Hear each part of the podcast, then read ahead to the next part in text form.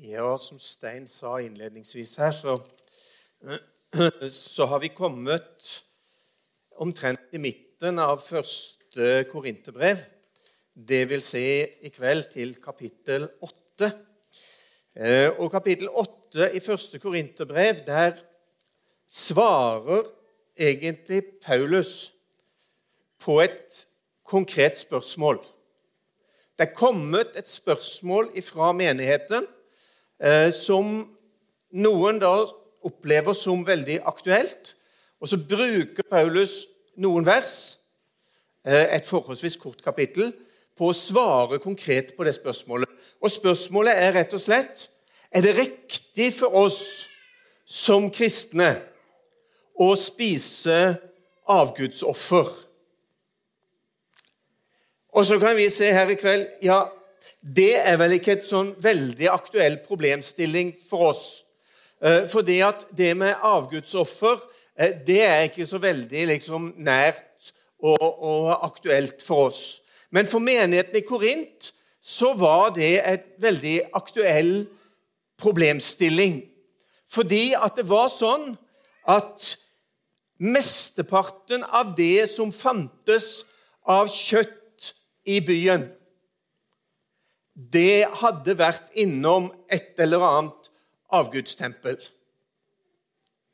Og så visste jo en del av disse kristne at apostelmøtet i Jerusalem, som vi kan lese om i Apostelgjerningen kapittel 15, det hadde sagt noe om det med avgudsoffer.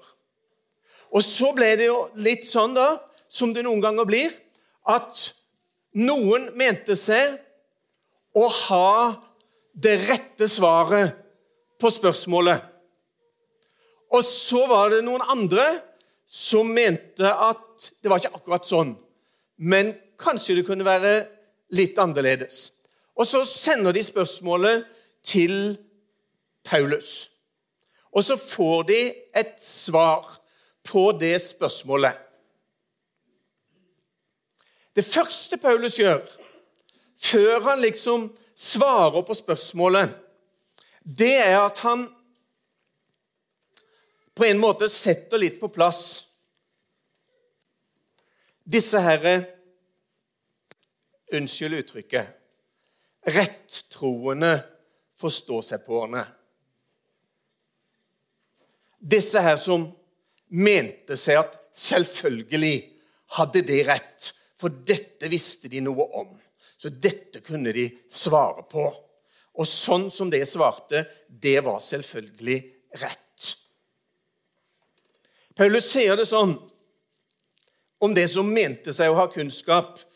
Fra slutten av det første verset sier han kunnskap gjør hovmodig. Det er kjærligheten som bygger opp. Om noen mener å ha forstått noe, da har han ennå ikke forstått det slik han burde. Jeg vet ikke om noen av dere i den senere tid har opplevd å høre eller lese Jeg, jeg, jeg ble litt fortvila og litt oppgitt noen ganger når det at jeg, jeg leser på sosiale medier. Vi var, vi var, egentlig spart en del for en del sånne ting før. Men, men når vi leser om sånne der kristne stridsspørsmål, har vi som kristne lov til? Kan vi som kristne det og det, så dukker det opp noen sånne innmari rettroende mennesker som sier at ja, men det er jo bare å lese sånn som det står i Bibelen, så får du svar. Og sånn er det bare. Og dette er jo ingenting å stille spørsmål ved. En del av oss er oppvokst i en tid der vi ikke hadde lov til å stille spørsmål. Egentlig iallfall helst ikke stille spørsmål. Eh, for vi hadde jo sannheten. Og Da sier altså Paulus her det at den som tror Om noen mener å ha forstått Han har enda ikke forstått sånn som han burde. Hva er det egentlig Paulus sier? Jo, han sier noe om at den, den derre egenopphøyde forståelsen, den opphøyer. Men så sier han noe om om kjærligheten. Han sier noe om kjærligheten. Kjærligheten bygger opp. Og i møte med utfordringer og i møte med spørsmål i Bibelen, så tror jeg det er viktig for oss å ha denne grunnleggende innstillingen. For det første Både dere ungdommer og vi andre Guds ord tåler at vi spør. Det er lov å spørre. Og så må vi som er satt i en posisjon der vi skal prøve å svare, så må vi kjenne på dette her at ja, vi forstår stykkevis. Vi har kanskje ikke et 100% bombastisk svar å gi. Vi forstår stykkevis, og vi prøver å svare med kjærlighet, for alt skal skje til oppbyggelse. Det er så fryktelig lett å slå folk i huet med rettroenhet på en sånn måte at de andre blir framstilt som om de nesten ikke er troende engang. Jeg vet ikke om du har vært borti noen sånne situasjoner og sånne mennesker, men jeg har vært borti en del sånne mennesker som er så utrolig skråstikkere at de framstiller seg sjøl som at vi har sett det, vi har skjønt det, og dere andre dere er kanskje ikke bare litt dumme, men kanskje dere til og med er litt utafor. Det er kjærligheten som bygger opp. Dette var kanskje egentlig ikke tematikken, men, men, men jeg kjenner at dette her er noe som, noe som opptar meg i møte med dagens situasjon og i møte med dagens mennesker. At vi kan få lov til å ha en tilnærming til spørsmålsstilling som den Paulus hadde. Er det lov til for oss kristne å gjøre sånn? Er det lov til for oss kristne å gjøre sånn? Er det lov til for oss kristne å være med på det? Er det lov til for oss kristne å være med på det? Eller hvis vi er med på det eller det eller det, er vi da i nærheten av avguderi eller noe farlig eller noe skummelt eller noe sånt? Paulus slår én ting veldig fast her videre i dette kapitlet, og det er at han sier det at eh, Vi vet Nå er jeg i kapittel i vers 4. Vi vet at det ikke finnes noen avgud i verden. Og ingen Gud uten én. Det finnes nok såkalte guder i himmelen eller på jorden. Ja, det kan være mange guder og mange herrer. Men for oss er det én Gud, vår Far. Alt er fra Han, og til Han er vi skapt. Og det er én Herre Jesus Kristus. Alt er til ved Han og ved Han lever vi. Hva er det egentlig Paulus sier her? Jo, Han sier det at eh, i utgangspunktet så trenger ikke vi å være så forferdelig redd for avguder eller for avguderi. For det fins egentlig ingen avguder.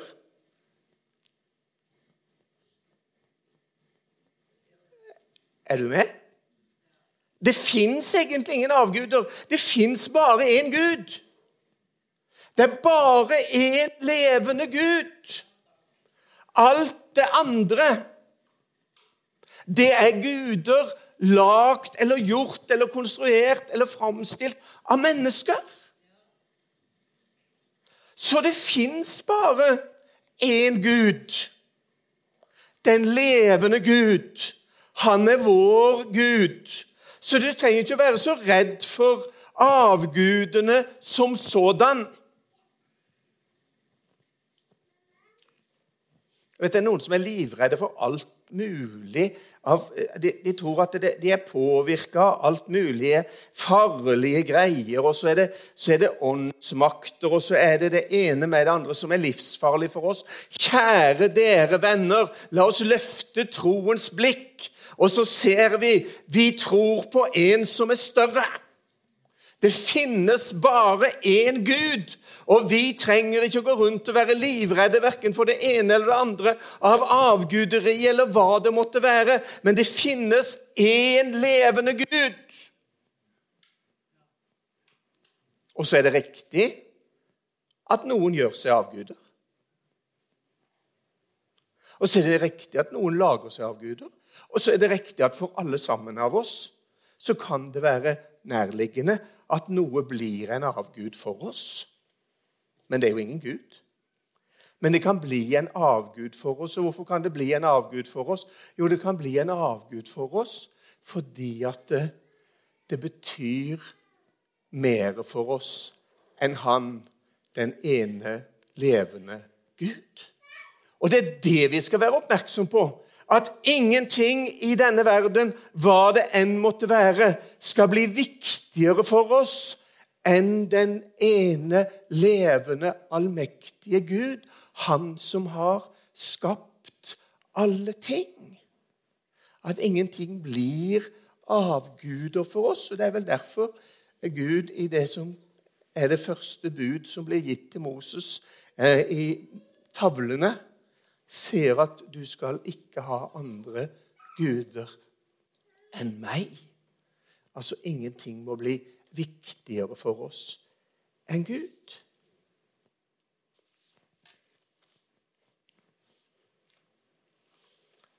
Men tilbake til spørsmålet Kan vi spise kjøtt som har vært avgudsoffer? Eller kan vi ikke spise kjøtt som har vært av Guds offer? Og som jeg sa, så er ikke det kanskje det mest relevante spørsmålet for oss. Men det kan være mange i samme gata. Er det viktig for oss å gjøre det eller å ikke gjøre det? Hør nå hva Paulus sier. Dette er ganske radikalt, og dette er ganske viktig. Det står sånn i vers 8. Men mat fører oss ikke nærmere Gud. Vi oppnår ikke noe om vi spiser, og vi taper ikke noe om vi lar være å spise. Men pass på at friheten deres ikke fører de svake til fall. Hva sier han for noe? Jo, han sier mat. Eller hva det enn måtte være av ting, gjerninger, gjenstander, eh, oppgaver, hva det måtte være, fører oss ikke nærmere Gud. Om du spiser, så oppnår du ingenting. Og om du lar være å spise, så taper du ingenting.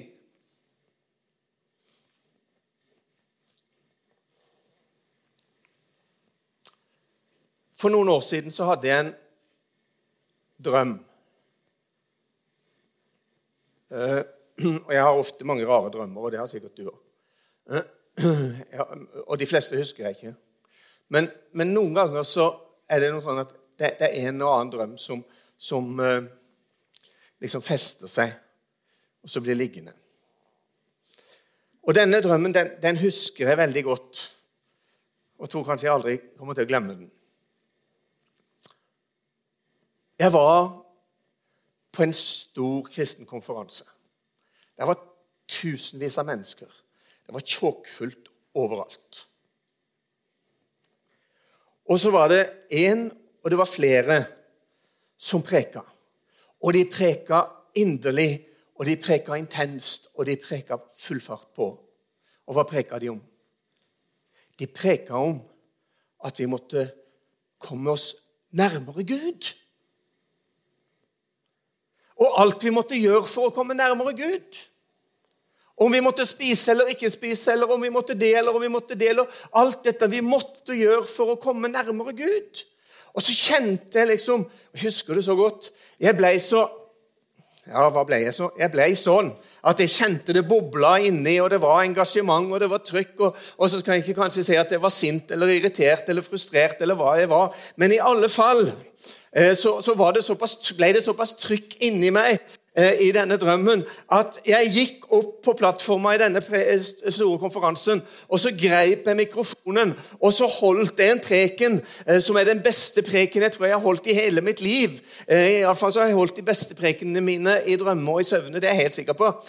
Men, men, men, denne her tror jeg var en av de aller, aller, aller beste prekenene som jeg noen gang har holdt. Og hva preka jeg om da? Jo, da preka jeg følgende Jesus sier i sin avskjedspreken Den dagen skal dere skjønne at jeg er i min far, og at dere er i meg, og jeg er i dere. Og så var budskapet mitt at om noen er i Kristus, så kan han ikke komme nærmere. Og om noen er i Kristus, så kommer han ikke lenger ifra. Enten så er du i Kristus, eller så er du ikke i Kristus. Og om noen er i Kristus, da er han en ny skapning. Og hvis du er i Kristus, så hjelper det ikke noe om du spiser eller ikke spiser. Om du gjør det eller ikke gjør det. Om du engasjerer deg det eller ikke engasjerer deg det. Gud belønner ikke på noen som helst slags måte noe som gjør at du kommer noe nærmere eller noe lenger ifra. Vi oppnår ingenting om vi spiser, og vi taper ingenting om vi lar det være. For om vi er i Kristus, så sier Jesus, 'Jeg er i min far'. Og dere er i meg. Og jeg er i dere. Går det an å komme nærmere Gud enn som så? Jeg er i min far. Dere er i meg. Og jeg er i dere. Det spiller ingen rolle om du spiser eller ikke spiser. Du kommer ikke nærmere, og du kommer ikke lenger ifra på grunn av det. For mitt forhold til Gud er objektivt sett konstant. Og det er objektivt sett fullkomment. For det Jesus gjorde på Golgata kors, det er fullkomment. Taper ingenting om du spiser. Du vinner ingenting om du lar være å spise eller snur du den andre veien. Det er en som har sagt som jernet er i ilden. Har du sett jernet i ilden? Det er ikke så mange av oss som kanskje har vært i ei smie, men noen har kanskje vært i ei smie. Og når du er i ei smie, eller noen har kanskje sett Farmen, men det er vel ingen som vil innrømme det. Men det spiller ingen rolle om du har sett eller ikke sett. Du kommer ikke noe nærmere for det.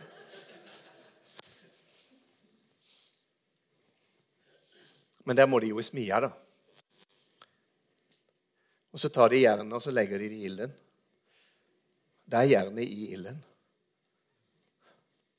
Jeg i Kristus. Så vi er lagt i Han. Som jernstanga blir lagt i ilden, så blir jeg lagt i Kristus Jesus. Jeg er i Kristus. Og Så går det en liten stund, ser du, og så blir jernet oppvarma. Hva skjer da? Da er ilden i jernet. Da har ilden tatt bolig i jernet. Og Derfor blir jernet rødglødende, og derfor blir jernet bøyelig og føyelig og mulig å forme og skape. Og Da opplever de at Jeg er i Kristus. Og han er i meg. En fullkommen forening. Det er den kristne frihet, dere. Det å vite at det kommer ikke an på hva jeg har spist eller ikke spist. Det kommer ikke an på hva jeg har gjort eller ikke gjort. Det kommer ikke an på hva jeg har fått til eller ikke fått til. Det kommer ikke an på hva jeg har lykkes med, eller hva jeg har mislykkes med. Men det kommer an på én ting om noen er i Kristus. Da er en en ny skapning. Det gamle er borte, og alt er blitt nytt. Og i denne friheten så går det an å leve. Og så går det an å være trygg. Og så går det an å nyte det kristne livet uten å gå rundt og være livredd for om alle mulige rare ting skulle være med å ødelegge forholdet vårt til Gud. Ja, men Kan vi leve akkurat som vi vil, da? Er det det som er poenget? Nei, det er ikke det som er poenget. Men poenget er at du kan hvile i det fullbrakte verket som Kristus har gjort, og at du kan hvile i den stilling og posisjon som du er satt i som et Guds barn. Så avslutter jo Paulus videre med å si men pass på friheten.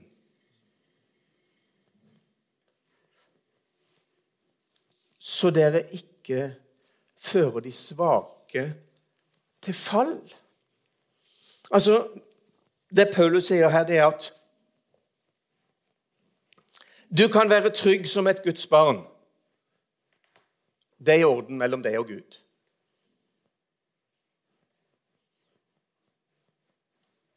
Håper du kan ta den og leve i den. Du kan være fri, du kan være trygg som et Guds barn. Det er i orden mellom deg og Gud. Ikke pga. noe du har gjort, men av det han har gjort. Men for menneskene rundt deg, for dine medvandrere i denne verdens skyld, så skal du være oppmerksom på at du ikke misbruker friheten for de svakes skyld. Altså, Noen har svakere samvittighet. Paulus skriver her om noen mennesker som har svakere samvittighet enn andre. Vet du, noen, det er noen som tror det at samvittigheten er en sånn der konstant guddommelig stemme som forteller oss akkurat hva som er rett og galt. Men det er ikke sant. Samvittigheten er lagt ned i alle menneskers hjerter, og samvittigheten den kan formes. Og Så kunne jeg sagt veldig mye om samvittigheten, men jeg skal selvfølgelig ikke gjøre det her i kveld. Jeg skal bare si det at eh, Samvittigheten er ingen konstant faktor. Så du kan ikke stole 100% på samvittigheten. Den kan sløves, og den kan skjerpes. Og noen har en veldig sløv samvittighet, sånn at ikke de bryr seg om noen ting og noen andre. Og noen har en veldig stram samvittighet, sånn at de er livredde for å gjøre noe galt uansett. Altså, du, du, har så, du, har en samvittighet som er så streng. Kanskje fordi du har fått en så streng oppdragelse. Kanskje, kanskje fordi at du har fått en så streng opplæring at, at det er blitt sånn eh, Kristenlivet ditt er blitt sånn stram line. Og, og, og, samvittigheten din er så stram at du, du er livredd liksom for, å, for å falle utenfor. Men husk nå på, da, du faller ikke utenfor om du spiser eller ikke spiser, for å holde oss til bildet. Om noen er i Kristus. Men så sier han så, tross alt så er det da sånn at det er noen som har en svakere samvittighet enn de andre. Og dem skal du ta hensyn til. Sånn at ikke du fører noen til fall.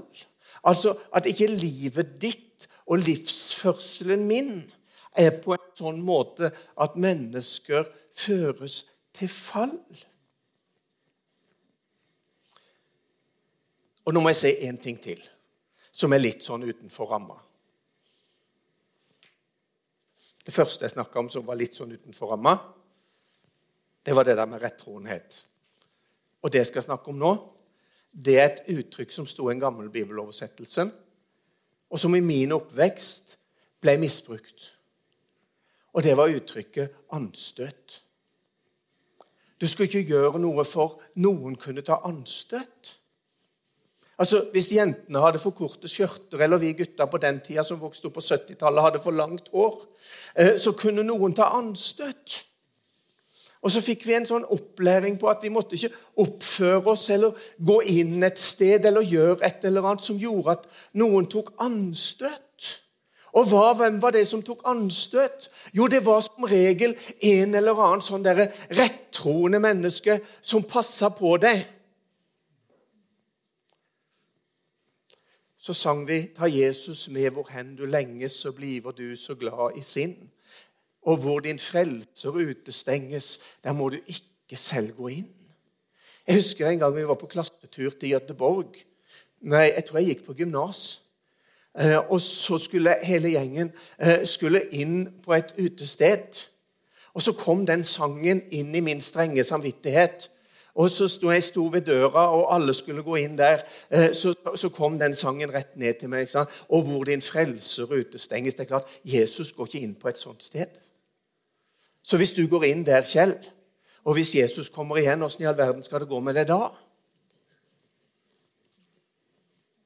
Jeg tror ikke det er fremmed for alle her, den type tankegang. Det var jo sånne steder Jesus gikk. Det var jo der Jesus var sammen med mennesker. Det var jo der han spiste. Det var til og med der han drakk sammen med mennesker. For å være til stede der menneskene var. Men så var vi altså opplært på en sånn stram samvittighet for at ikke noen skulle ta anstøt. Tenk om noen av søstrene i menigheten hadde sett at Kjell, som var sønn til ledende eldste i forsamlingen, gikk inn på et sånt sted. De kunne jo ta anstøt av det. Ja, Det anstøtet de kunne ta, det var at de kunne få noe å snakke om. Og de kunne få noe sladder å fly med. Og de kunne få et eller annet å, liksom virvle opp et eller annet greie om det. Men det Paulus snakker om her, det at vi skal leve et liv på en sånn måte at de svake ikke faller ifra troen. Det var ikke noe fare for at disse tantene eh, skulle falle ifra troen når håret mitt ble litt for langt ned på skuldra. Det var ikke noe fare for at noen av disse tantene i menigheten skulle falle fra troen pga. det. Men, men det ble kalt for anstøt.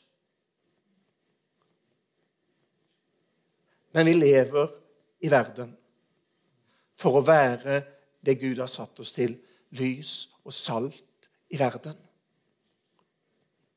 Og så fins det noen imellom oss. Her, der ute, hvor som helst, som har svakere samvittighet enn meg. Jeg kan leve mitt eget liv i en kristen frihet og en kristen trygghet. Men det kan hende det finnes noen rundt meg som ikke tåler det. Hvis jeg gjør det eller det eller det, som kan føre til at dem kan F.eks. en tidligere alkoholiker kan få et tilbakefall og miste troen.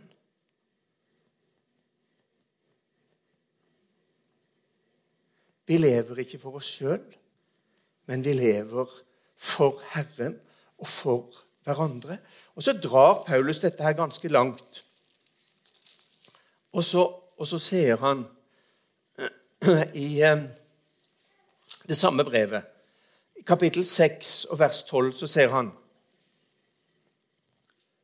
jeg har lov til alt. Men ikke alt tjener til det gode. Jeg har lov til alt, mens jeg skal ikke la noe få makt over meg. Og hva betyr det? Jo, det betyr at ingenting må bli en avgud. Det må til at hvis noe får makt over meg, hvis noe styrer livet mitt, hvis noe styrer livet mitt i, rett, i feil retning, så har det større makt over meg enn Gud, den allmektige himmelen. Jeg har frihet, jeg har trygghet, jeg har forsoning, jeg har frelse. Men ingenting annet må få makt over meg. For hvis noe annet får makt over meg, så kan det føre min bror, min søster eller meg sjøl ut av livssamfunnet med Gud. La ingenting få makt over meg. Og så ser han omtrent det samme i kapittel 10. Jeg har lov til alt, men ikke alt tjener til det gode. Jeg har lov til alt, men ikke alt bygger opp. Altså jeg har frihet i Kristus. 100% Men det er ikke sikkert at alt jeg gjør og bruker den friheten til, er til det gode. Verken for meg sjøl eller for mine medmennesker. Derfor skal vi ikke bruke friheten vi har i Kristus, på en sånn måte at det skader oss sjøl eller skader våre medmennesker. Jeg har lov til alt, men ikke alt tjener til det gode. Jeg har lov til alt, men ikke alt bygger opp. Bibelen snakker veldig mye om oppbyggelse, og så sier Guds ord mange ganger mange steder La alt skje til oppbyggelse. Altså, det fins noe som river ned. Det kan være min livsførsel. Det kan være min måte å snakke på, det kan være min måte å omgås mennesker på, det kan være min måte å leve på, som, som river ned. Og som ikke forherliger og opphøyer Jesu navnet og Guds storhet, men som kanskje forherliger og opphøyer Kjell og, og, og, og, det han skulle være, eller som rett og slett ødelegger, er destruktivt, negativt, at jeg har en oppførsel som er negativ for menneskene rundt meg. Det er ikke først og fremst til skade for mitt gudsforhold, men det er til skade for mine medmennesker og til møte med troen og med Jesus og med lyset og med evangeliet. Det er ikke alt som oppbygger. Derfor sier Bibelen igjen og igjen la alt skje til oppbyggelse. Derfor så blir det ikke et kristent frihetsliv. Det blir ikke et liv i utskeielse og hurra meg rundt. Det er ikke det som er poenget Det er ikke det som er poenget. Men et kristent liv i frihet, det er et liv i trygghet, i troen på Jesus Kristus og det han har gjort for meg. Og et kristenliv i frihet, det er et liv som ikke først og fremst tar hensyn til meg og mitt og mine ønsker og det jeg syns er godt og rett og riktig og viktig, og alt det der, men det er først og fremst for mine medvandrere på veien gjennom livet, og til opphøyelse og forherligelse av Guds navn. Det er et liv i kristen frihet. Lov til alt, men ikke alt som oppbygger. Men la alt skje til oppbyggelse. Altså Konklusjonen på, på svaret det er du kan spise så mye du vil, av hvilket kjøtt du vil. Det spiller ingen rolle hvor kjøttet har vært, for det finnes bare én Gud. Men husk du lever ikke alene i denne verden, men du lever sammen med dine medvandrere i denne verden, og det skal du oppleve å få se lyset ifra evangeliet igjennom ditt og mitt liv. Herre, vi takker deg for fullkommen frelse. Og vi ber om nåde til å leve som fullkommen frelste. Vi ber i Jesu navn. Amen.